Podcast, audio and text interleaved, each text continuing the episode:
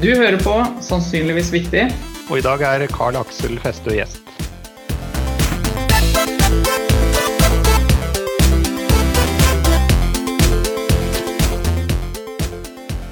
Eh, hva skal DNB med maskinlæring, Karl Aksel?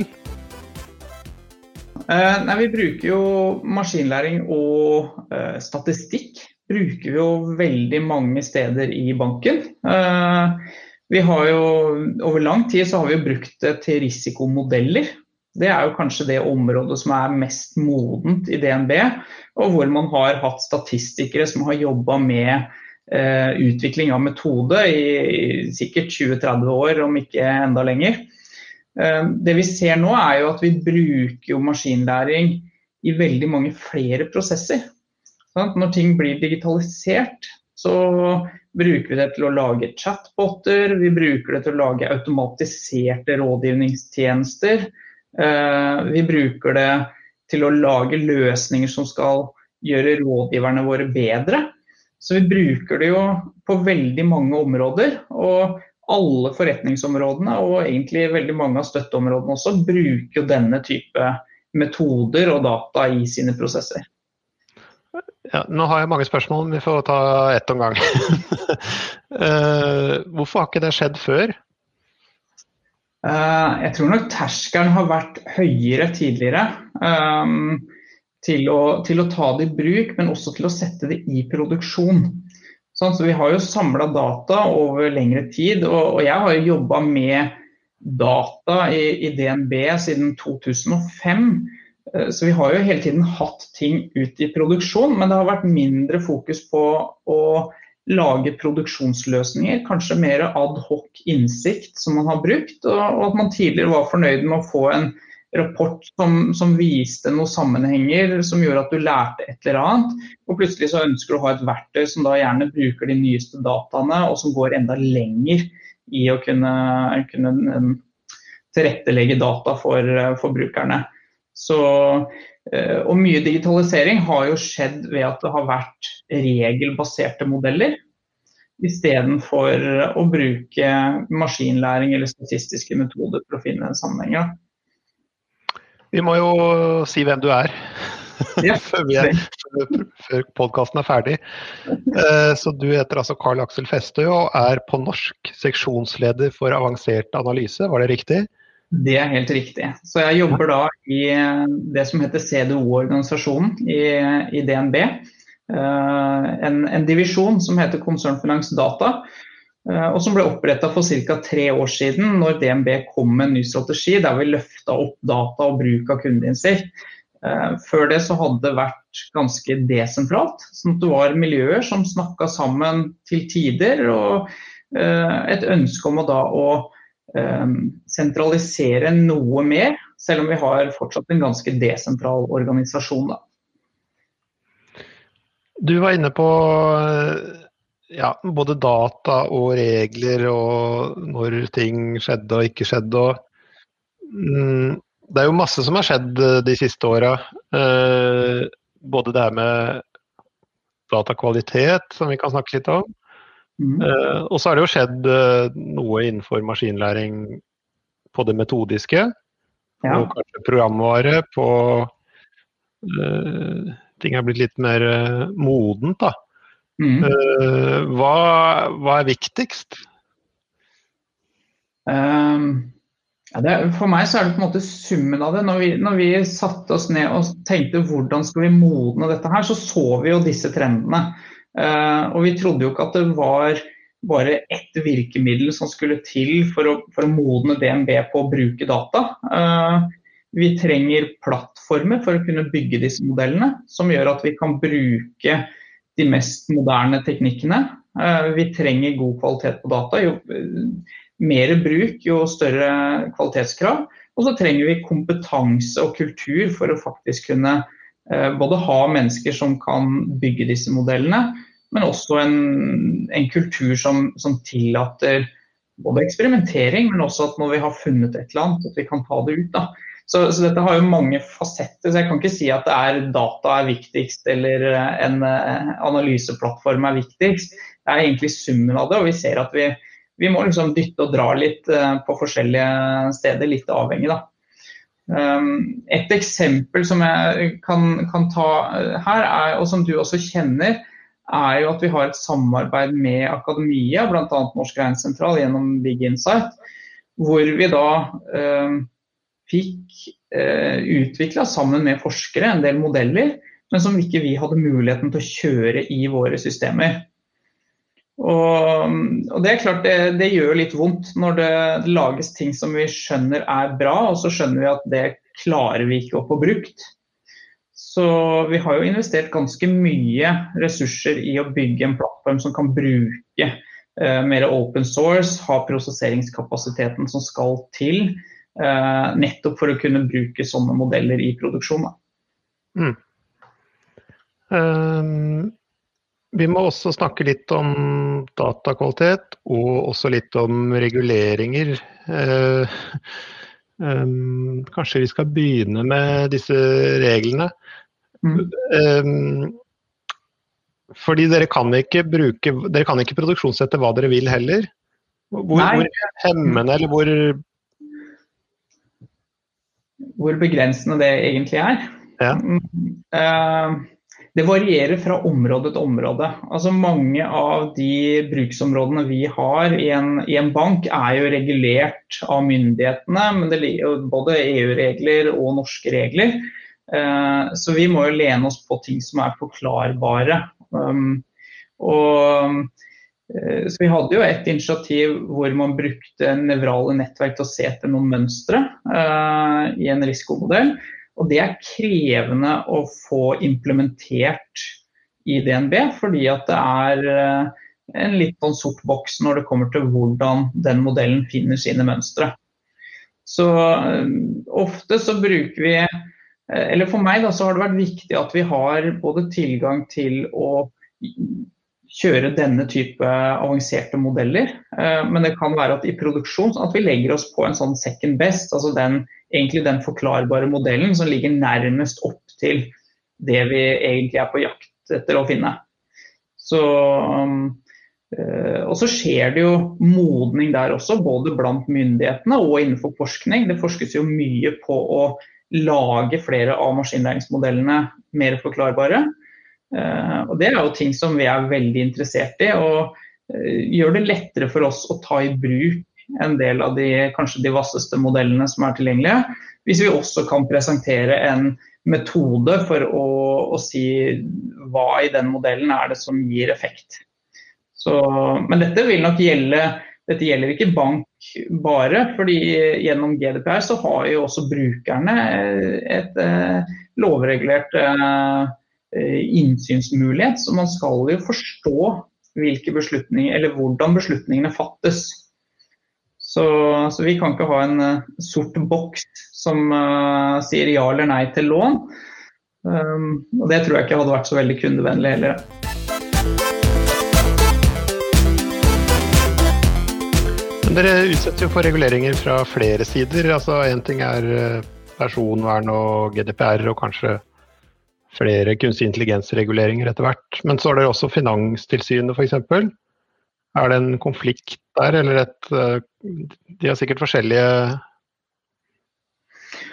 ja, om de har forskjellig tilnærming til det, det Jeg skal ikke gå i, i dybden på det. Men, men altså, vi bare tar egentlig for gitt at vi må kunne klare å forklare det vi gjør. Uh, både når det kommer til data. Hvordan er det dataene har oppstått? Hvor er det vi har gjort endringer? Fra hvilke systemer kommer disse dataene? Hvem er det som har putta inn dataene og hvilken kvalitet. Det merker vi jo at det er stort fokus på. Eh, men også når det kommer til modelleringen, så er det jo et ønske om å eh, kunne dokumentere hvordan er det beslutningene fattes. Så, så på mange måter så, så, blir jo dette her en, en praksis da, som, som, vi må forholde oss til. Eh, samtidig så ser vi at det er jo forskjellig innenfor forskjellige områder hvor fokusert det er noen områder eh, har vi nok større valgfrihet til å bruke forskjellige modeller. Eh, spesielt der hvor det ikke treffer kundene så direkte med sånn harde ja-nei-beslutninger om de skal få et produkt eller få et lån. Eh, kanskje mer på støttesystemer, enten internt eller eh, opplevde ja, nye innsiktstjenester for kundene. Der er det nok mer handlingsrom. Mm. Så, men vi, vi, tilstreber jo å ha forklarbarhet der også. Og eh, det siste, kanskje ikke den siste, men i hvert fall en viktig bit i puslespillet er datakvalitet. Mm. Um, og det er jo selvfølgelig veldig viktig. Hva har dere gjort for å, for å forbedre datakvalitet, eller for å få data som er mer egnet for maskinlæring? Ja, um, altså som en del av opprettelsen av den divisjonen som jeg jobber i, så, så oppretta vi også seksjoner som gikk på data governance og datakvalitet og en del sånne ting. Eh, og Det handler jo både om hvem som eier dataene, hvem som har ansvar for å forvalte de, eh, i hvilke systemer. Så det gjøres jo ganske omfattende kartlegginger f.eks. av lineage. Altså hvor er det dataene som til syvende og sist ender opp i enten en rapport eller inn i en scoring. Hvor er det disse dataene kommer fra, og, og hvilke endringer har de blitt utsatt for på veien fra, fra kilden. Så, så det investeres ganske mye tid og krefter i det. Eh, og har nok et større fokus nå enn det hadde for en del år tilbake. Så det er klart Man har jo en viss legacy. Um, og så blir det jo komplekst fordi at man samler inn mer data enn vi gjorde tidligere. Så mengden er blitt større.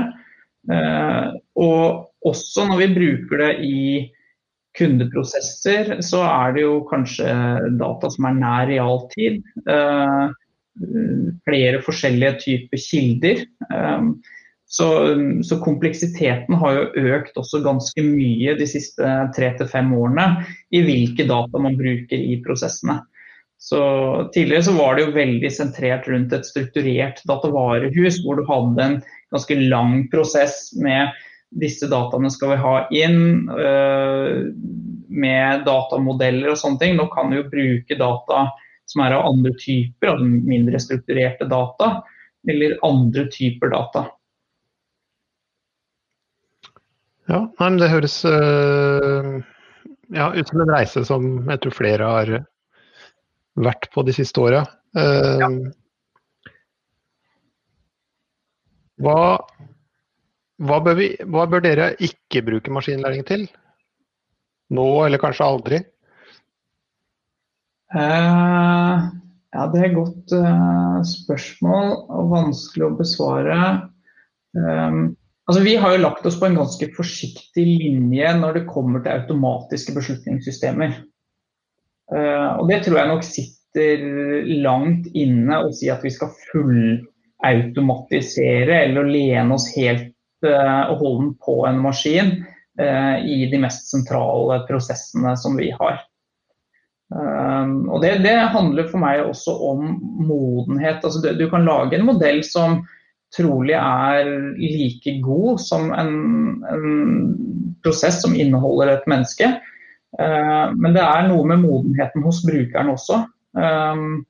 Å og ha rom for, for, det som er krevende å ta inn i en modell. Da. Så, så jeg, jeg, tror nok det kommer til å være mennesker involvert i veldig mange prosesser. og Det var en periode hvor det var snakk om veldig mye uh, fullautonome systemer. Eh, jeg tror nok vi eh, lener oss mer på at en del av beslutningen kan tas, men det kommer til å være mennesker i disse prosessene. Enten til å følge med på beslutningene eller til å øh, følge opp dersom maskina syns at øh, svaret skal være nei. Tror jeg, vi, tror jeg vi kommer til å gjøre ganske lenge. Så, men, men det er jo fantastiske ting vi har sett de siste årene at modeller kan gjøre. Så jeg tror jo at en del av de prosessene vi mentalt tenker er krevende, inneholder mye skjønn, og den som historisk har vært vanskelig å automatisere, tror jeg plutselig kan dukke opp uh, modeller som gjør ganske bra for oss. Så, så det kan, kan, være at det er en del av de modellene vi nå ser for oss at uh, vi ikke skal bygge, som kommer til å bli veldig sentrale framover. Mm. Ja, det er vanskelig å spå framtida, selvfølgelig.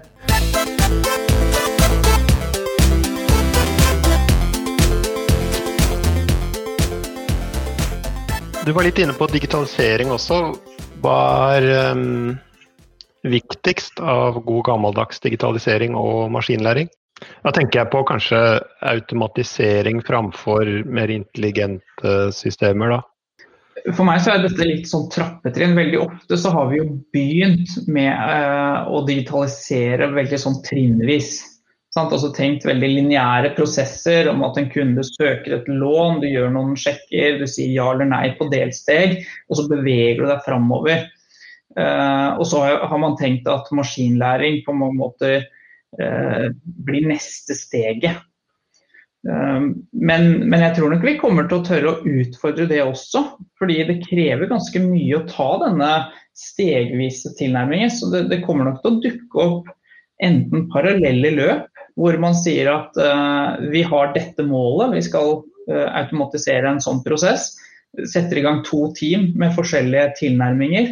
Uh, er én mulighet. Um, eller at de også virker i, i, fellesskap. Og Det ser vi at veldig mange av stedene hvor vi bruker maskinlæring, så jobber de jo sammen med regelbaserte motorer. Og, og Det er jo et bruksmønster som, som vi har tro på framover. Eh, at du kan lage absolutte regler. Noen ting er klart ja eller nei. Da er det fornuftig å bruke en eh, regel til det, mens den kan gjøre et kall på en modell for å få noe som har større usikkerhet, eller hvor du må bruke andre teknikker. Så, så Det er noe som implementeres i, i, mange prosesser vi har, hvor du har en kombinasjon av sånne store regelmotorer, men også bruk av maskinlæring inn i disse prosessene. Så er det vel noe med at uh, en maskinlæringsmodell kan på en måte aldri vite helt hva grensen er heller, så det er kanskje bedre å gjerde den inn enn å, enn å la den prøve å lage sitt eget gjerde. Ja, og du kan si at noen ganger så er det relativt enkelt. Og, altså det, å, det å lage et gjerde hvis, hvis, du har et absolutt nei fra enten myndighetene eller policy i banken på at uh, hvis dette, så er svaret nei eller svaret ja Eh, så, så, er det greit å bare implementere det som en, eh, som en, regel. Enkelt for både regulerende myndigheter, det er enkelt for oss å forstå at vi har en, eh, en hard regel som, som, styrer dette her. Og så kan vi heller bruke maskinlæringen til, til andre, egentlig mer egna vurderinger. Du er, og DNB da, er aktive i i si, deler av Forsknings-Norge. Så du er styreleder i Big Insight, du er styremedlem i Norv AI, som egentlig begge er sentre for forskningsredet innovasjon innenfor maskinlæring og kunstig intelligens. Um, DNB er også med i NAIL, Norwegian Open AI Lab. Hva, hva vil dere? Hvor, hvor Hvorfor engasjerer dere på den måten dere gjør i, i Forsknings-Norge? Um, jo, altså, vi, vi, har jo tro på at det forskerne lager vil være av interesse for oss å ta i bruk. Uh, det, det, ligger både en, en, en, samfunnsbetraktning her. altså Vi tror at vi har problemstillinger, data som kan være interessante for å utdanne kandidater, for å bidra i forskningsfronten. Eh, men det er jo også, eh, vi ser jo også at dette her er ting som vi er interessert i å ta i bruk. Og vi ønsker å ha muligheten til å forstå eh, ganske tidlig for å kunne ta det i bruk. Og vi ser at det er en del problemstillinger som, som forskerne er veldig flinke til å jobbe med, og som kan utfordre våre perspektiver og våre tilnærminger. Så samtidig så er det jo ganske nytt. Eh, historisk så har jo ikke banker vært de som har eh, vært tettest knytta på forskning. Det har jo veldig ofte vært de store, tunge industriselskapene som har brukt mest på forskning. Og så får du en dreining mot tjenestebaserte næringer, hvor vi også har problemstillinger som faktisk det er fornuftig å putte flinke forskere til å, til å jobbe med. Men, men, det er jo en kulturreise internt i, i banken. Og, og, det har ikke vært så mange med ph.d. For eksempel, som har vært ansatt i bankene historisk. Så Sett fra økonomifaget så har det jo vært sånn at hvis du har tatt en ph.d., så har det gjerne vært veldig forskningsretta. Det har vært lite operasjonelt, egentlig. Uh, men jeg opplever at forskningen innenfor type data science den er, den er, nærmere å kunne tas i bruk. Så vi ser at blant datascientistene i DNB så er det flere som har ph.d., og som klarer å nyttiggjøre seg den i arbeidshverdagen sin. Eh, og så er det jo viktig å ta frem at eh, dette gir oss potensiell tilgang til flinke kandidater, men det gir også motivasjon for datascientister i DNB å kunne jobbe tett med akademia. Så vi har jo personer som ut fra profil kunne egentlig hoppa fram og tilbake mellom å jobbe i et uh, selskap og jobbe i, uh, innenfor forskning. Så, så, jeg tror også det gir dem en del trygghet på at uh, det vi jobber med er av et høyt nivå og, og gir motivasjon forskning i Norge i dag er jo, er jo et sånt spektrum helt fra grunnforskning og helt til det veldig anvendte. Og dere beveger dere kanskje ja, I og med at dere er med i disse innovasjonssentrene, så er det jo ikke ren grunnforskning dere involverer dere i. Det er en ja, si grunnforskning dere håper kan bli nyttig. Da. Ja, men det, men det er jo relativt anvendt forskning. Altså SFI-ene er jo eh, orientert mot eh, anvendt forskning. Og, og, det er klart at eh, det setter vi pris på. Eh, det er vanskelig å snakke om forskning i, i en bank hvor ting kanskje blir modent om 15-20 år. Da har vi diskontert ned verdien for ganske lenge siden. Eh, så vi trenger også en del relativt korte suksesshistorier. Og i noen tilfeller så lykkes vi jo ganske godt med vi hadde et initiativ nå nylig hvor, hvor en ansatt i DNB har sittet sammen med forskere på Norsk Regnsentral eller Big Insight eh, og jobba ut en modell eh, som vi da klarer å få inn i produksjon på veldig kort tid. Og Når vi lykkes med det, eh, og vi ser at modellen blir bedre enn det vi kunne klart å skape selv, vi ser at det publiseres, og vi ser at vi trener ph.d.-kandidater, eh, så, så, ser vi at dette her skaper jo fine vekselvirkninger. Vi får noe ut av det, forskerne får noe ut av det, samfunnet får noe ut av det. Eh, da tenker vi at da er det absolutt verdt innsatsen. Så, men, men, det er ikke mange områder der vi satser på ting som kan bli stort om, om 30 år, men vi beveger oss litt i den retningen nå. Eh, hvor man begynner å se f.eks. på språkteknologi, som, er, som, har en stor samfunnsinteresse. Eh, å kunne ha språkmodeller som er gode på norsk språk, og hvor jeg tror at, eh, at de store norske selskapene sitter på data som kan gjøre dette her bra.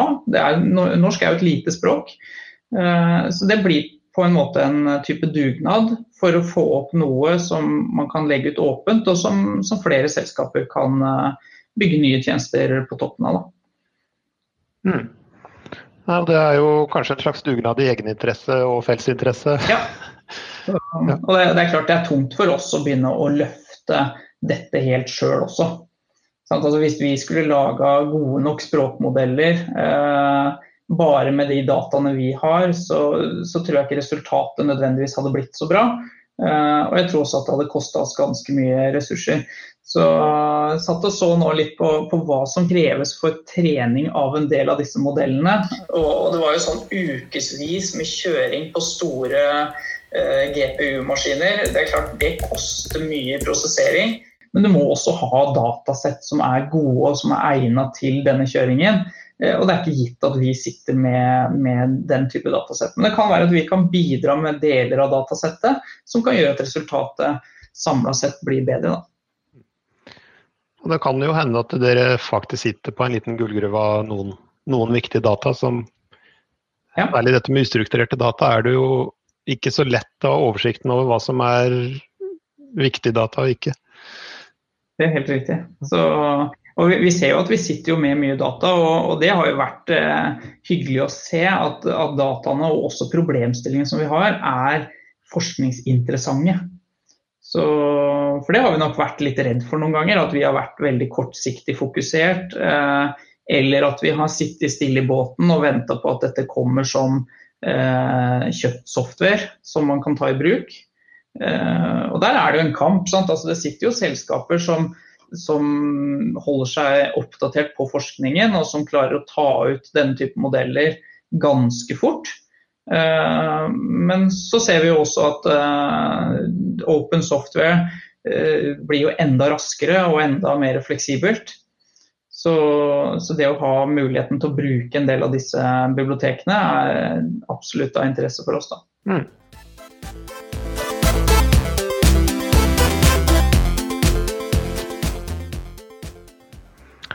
Da nærmer vi oss uh, slutten av denne mm.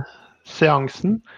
Uh, men da har vi uh, to spørsmål som vi pleier å stille gjesten. Mm. Det er mulig du får sånn déjà vu-følelse nå, men vi prøver. Så først så vil jeg at du skal tenke tilbake på studiene, mm. som jo ikke er lenge siden. Og det sitter jo sikkert mhm. trist i minnet.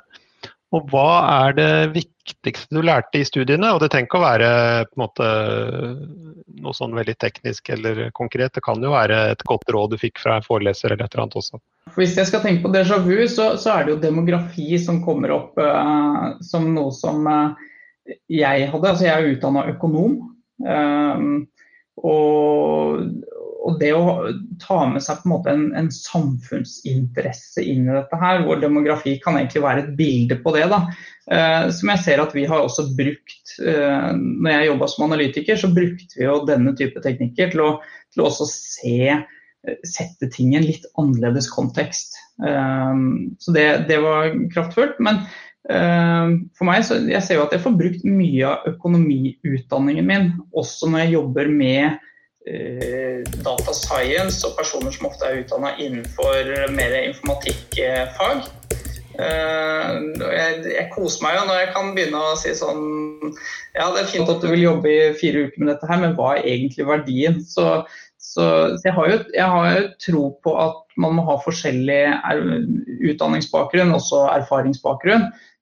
Uh, så, og Det er også noe som vi ser på når det kommer til rekruttering, at vi prøver å finne profiler som har litt forskjellig, forskjellig bakgrunn. Så, mm. Og hvis du, Samme spørsmål, egentlig, men hvis du skal se tilbake på livets skole, hva har den lært deg? Jobb hardt og smil, nei da. Uh, en, en, ting som jeg har Altså, jeg er jo genuint nysgjerrig. Og og den nysgjerrigheten den, den, gir jo en form for drivende kraft. Um, så vil oppfordre andre til å prøve å lære mye og bruke ørene litt og uh, finne nye sammenhenger og tørre å utfordre. Uh, så det er i hvert fall noe fra livets skole. Det var kjempebra. Takk for at du vil komme til oss. Selv takk. Så tusen takk skal du ha.